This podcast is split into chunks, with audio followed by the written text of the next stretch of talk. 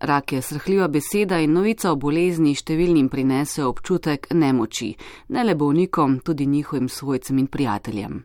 Jana Koteska je za diagnozo rak na dojki izvedela pri 26 letih. Njena prva skrb je bila, kako to povedati mami, saj se tega na lep način ne da.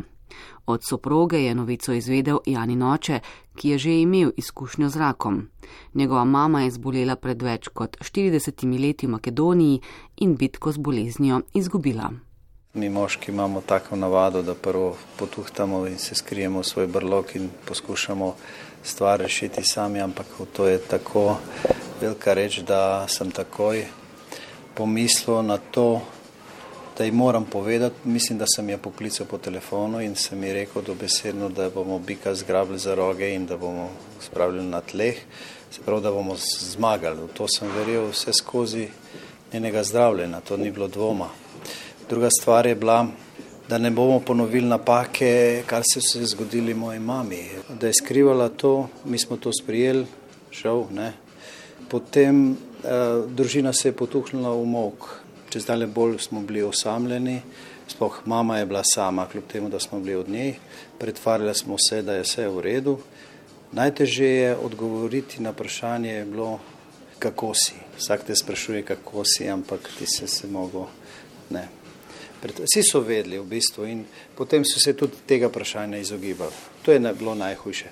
Zato smo na prvem srečanju, eh, je bil tudi njen fant, na prvem srečanju smo se zmenili, da zabičal v bistvu, da nikoli ne sme to skrivati. Kot pravi Boris Koteski, je bila največja podpora hčerki to, da so bili z družino skupaj pri vseh pregledih in terapijah. Ženo sva bila vsak dan v Ljubljani, ona se je tukaj zdravila v medicinskem centru, kliničnem. To, da smo bili na razpolago, se za otroka sedaš. Je, če ti otrok zbolije, potem si pripravljen ne, deliti kos svojega telesa, tako rekoč. Ne. Tako da je ona vedela, da uh, ima podporo in na svet vedno, kadar je to potrebovala. Bolezen pa ni povezala le najbližjih članov družine, ampak tudi širše sorodstvo. Zdaj se večkrat srečajo ali vsaj slišijo. Boris Koteski pa ve zdaj veliko več o raku kot prej. Takrat, ko je mama zbolela, jaz nisem mogel pomagati iz velike izkušnje okrog zdravljenja, samega medicinskega zdravljenja. Nisem vedel, ker sem bil mladenič. Eh, tako da tukaj pri njenem zdravljenju je pa najbolj fant pomagal, ko je oče zbolel, tam je bil kar na kemoterapiji. On je nam je veliko povedal o tej, kakšen postopek. Prvo vprašanje je pri tem zdravljenju, kaj pa zdaj, ne? Kaj pa zdaj nas čaka, ne? kako bo to. Ne? Mogoče tudi, tudi um, na svet uh, za pomoč bolnicam, ki prihajajo, ker v, v Sloveniji koliko na dan zbolijo? A, tri izvedo za diagnozo. Tri izvedo na dan, to je srhljiva številka, da tri ženske zvedo. Na dan tri družine v bistvu uh, se, se ukvarjajo s to, s to informacijo in s to slabo novico. Ne? Jana Koteska je na svete družine upoštevala, govorila o svoji bolezni in svojo zgodbo predstavila tudi v medijih. Pridružila se je Združenju za boj proti raku na dojki Evropa Dona. Kot pravi, je življenje že zgodaj dalo vedeti, kako zelo pomembno je zdravje. Naprej pa gre s popotnico, da je skrb zanj bistvena, prav tako pa tudi uživanje v vsakem trenutku. Podpora družine in fanta med boleznijo je zelo veliko pomenila, vseeno pa so bili tudi slabi trenutki. Pa to vprašanje ni, ja, kako si, ne, ja, nisem v redu, ne, ne moreš zdaj reči, če, da sem super, je krasno, ampak pač le nisem v redu, zdaj mi je slabo, grozno se počutim, ne, da v bistvu se ne delaš, da, da si dober, ne, mi se tudi preveč časih delamo pogumne, ne, ali ne upamo pokazati, da smo ranljivi in da smo, da smo na tleh, ne, če smo, smo, ne. Mogoče enemu pa sploh ne paše, ne, da je obkrožen z ljudmi, ne, pa sam doma je to za njega boljši in si pokliče samo ljudi takrat, komu to ustreza. Ne. Zato jaz verjamem, da je za prijatelje in za ostale, ki poznajo človeka, ki zboli, težko reagirati. Ne. Oni ne vejo, kako. Ne. Zato res včasih uh, bi mogli mogoče več o tem govoriti. No. O raku je vedno odkrito govorila tudi zdravnica Mojca Senčar. Tokrat pa je o tem, kako je doživljal mamino bolezen, spregovoril Boštjan Postrnat. Prvič je bil star 18 let. Oh, seveda je bil najprej te spreletine, ampak to je čisto človeška reakcija. Um, je pa pač potem res, glede na to, da je pač moja mama delala na onkološkem inštitutu in sem bil na nek način, ker sem jo pač obiskoval v službi, ne, tako kot otroci obiskujejo starše. Bom rekel, da mi je bil rak blizu, ampak sem bil na nek način seznanjen z njim. Uh, tako da bi bilo najbrž, kar se tega tiče, nekoliko lažje to sprejeti, ker sem na nek način uh, vedel, nisem, nisem vedel, kaj jo čaka, ne, ampak uh, približen sem potek zdravljenja v nekaterih primerjih uh, poznal. Tako da sem imel da rečemo, da je bilo to ne, ta nek plus pri tem, da mi ni bilo najbrž, da me ni tako sesul, kot bi me sicer lahko. Ne. Spomni se, da je mamo takrat podprla ožja in širša družina in pravi, da je to v takih trenutkih zelo pomembno, če se seveda ne vdaš, ampak se odločiš, da se boš bojeval. Boštjana Pstrnada ni nikoli skrbelo oziroma o tem, da bi se mami rak lahko ponovil, ni razmišljal, vsaj ne do lani. Zdaj, seveda, zdaj pa ja, ne, ko se je pol ponovila. Ne, vem, da sem imela enkrat eno debato, ona je vse čas govorila potem. Ja, to je ista bolezen, v bistvu ne, samo da je spala v meni, da se je spet zbudila. Jaz sem rekel, pa kako piškat spoldi, ne, takole, eh, tok časa, eh, da zdaj je ista bolezen. Rekel, to je drug rak, ne, tako da dobro, jaz ne bom se v stroko spuščal, ker nisem za to poklican, ampak zdaj, glede na to, da jih, kot sem rekel, že na nek način zdaj reciklira v bistvu enega za drugim.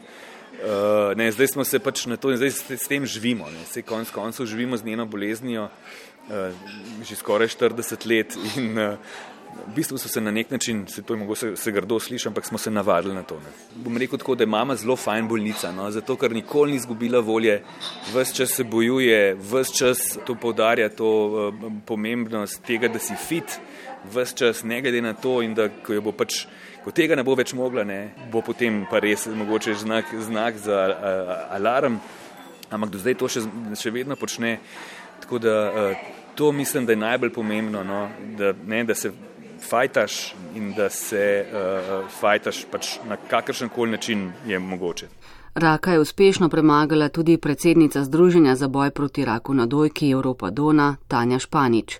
Ko je zbolela, je bila stara 26 let, najhuje je bilo povedati mami. In šele dve leti pozneje je začela razmišljati o tem, da je bila prav njena mama v hujši stiski od nje.